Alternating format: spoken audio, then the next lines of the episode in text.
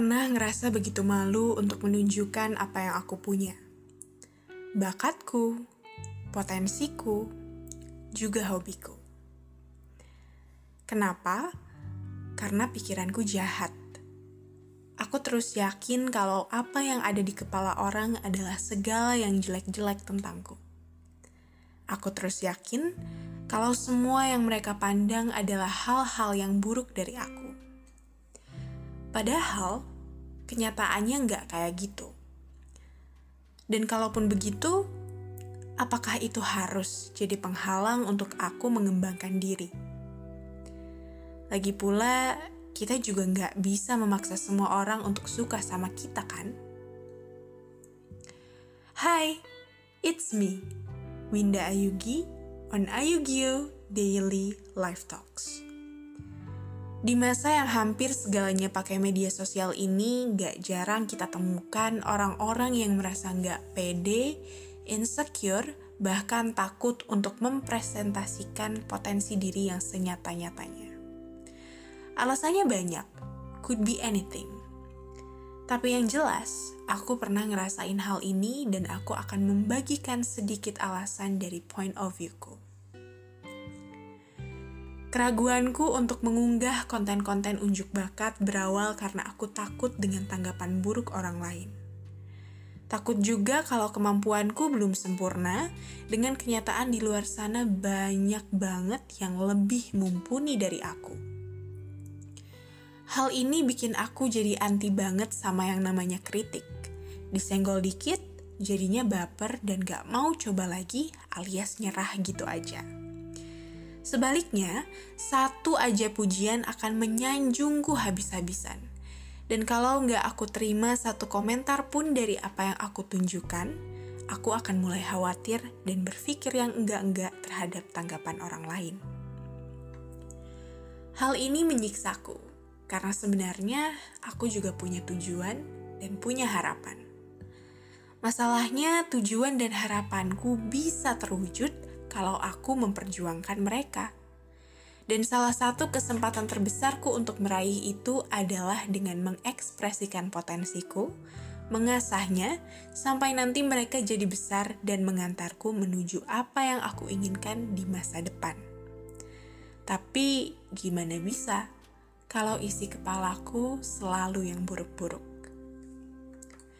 Perasaan yang gak mengenakan ini terus-menerus terjadi padaku, menghalangi aku, mencegah aku menunjukkan siapa diriku kepada orang-orang di luar sana.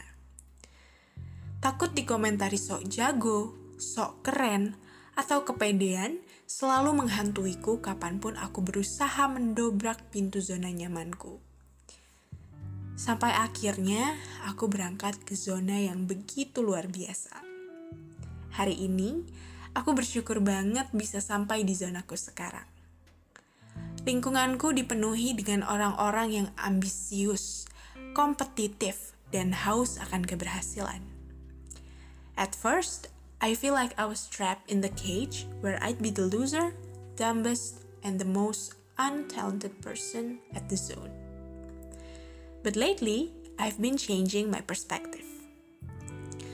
Aku menyadari bahwa kualitas hidupku nggak akan pernah berubah kalau aku terus-menerus memposisikan diri sebagai orang yang paling nggak berdaya. Well, sometimes we feel hopeless, but the advice is, don't be drowning on the ocean of misery. Nasibmu, kamu yang tentukan. Pernah dengar nggak ungkapan kayak gitu? Good then do it. But if you haven't already, I've told you just now. Satu hal yang membuatku bersyukur karena akhirnya berada di lingkungan yang super kompetitif di mana untuk survive itu sangat kecil peluangnya adalah bahwa sebetulnya ini merupakan saat yang tepat untuk aku memilih jalanku. Mau kalah karena berhenti dengan pikiran-pikiran akan ketidakberdayaan, atau lari terus dalam kompetisi dan terus berusaha menaikkan level kemampuanku?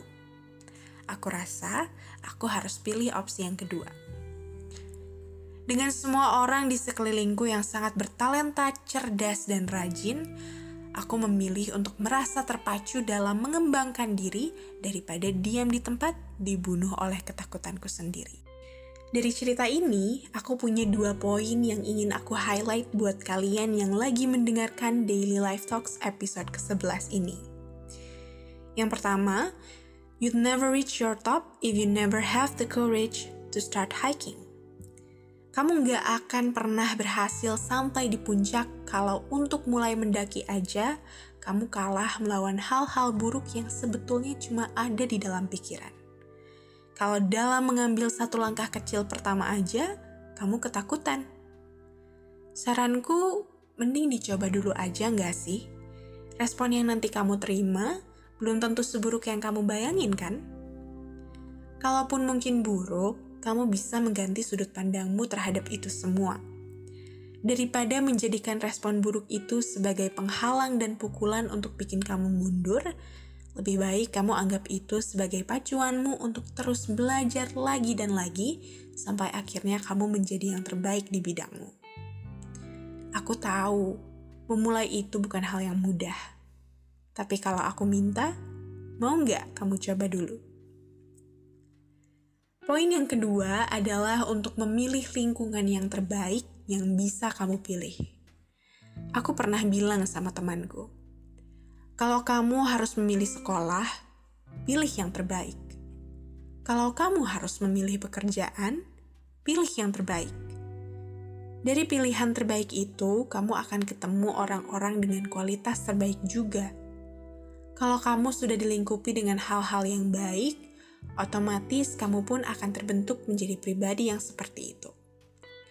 So, don't be afraid to chase a high standard for yourself because it would lead you to a better you.